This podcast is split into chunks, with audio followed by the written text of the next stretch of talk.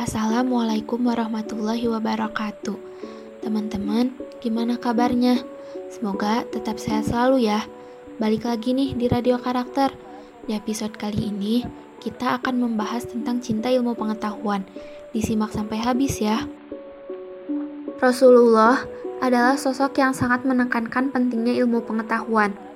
Hal itu terungkap dari sejumlah hadis Nabi antara lain, mencari ilmu pengetahuan adalah kewajiban bagi umat Islam.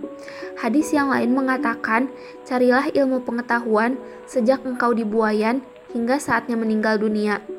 Begitu tingginya perhatian Nabi terhadap ilmu pengetahuan, hingga beliau menilai orang yang melakukan ijtihad dan kemudian ijtihadnya salah, maka tetap memperoleh nilai pahala. Penghargaan Nabi terhadap ilmu pengetahuan ini menunjukkan bahwa dalam Islam, berpikir bukan saja merupakan suatu cara atau proses untuk memperoleh kebenaran, namun lebih dari itu menjadi bagian dari eksistensi manusia. Berupaya memperoleh ilmu pengetahuan adalah tanggung jawab yang harus dipenuhi oleh umat Islam.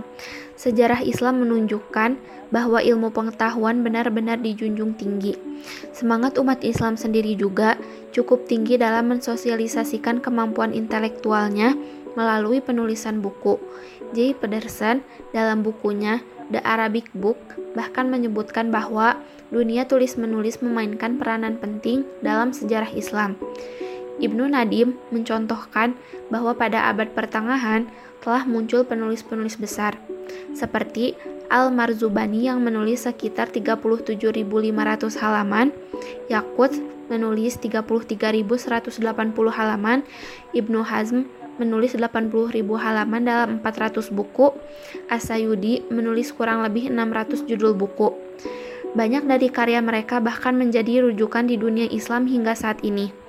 Kalau semua itu bisa diteladani oleh umat Islam saat ini, rasanya Islam bisa kembali memperoleh masa keemasannya. Cukup sekian untuk materi kali ini.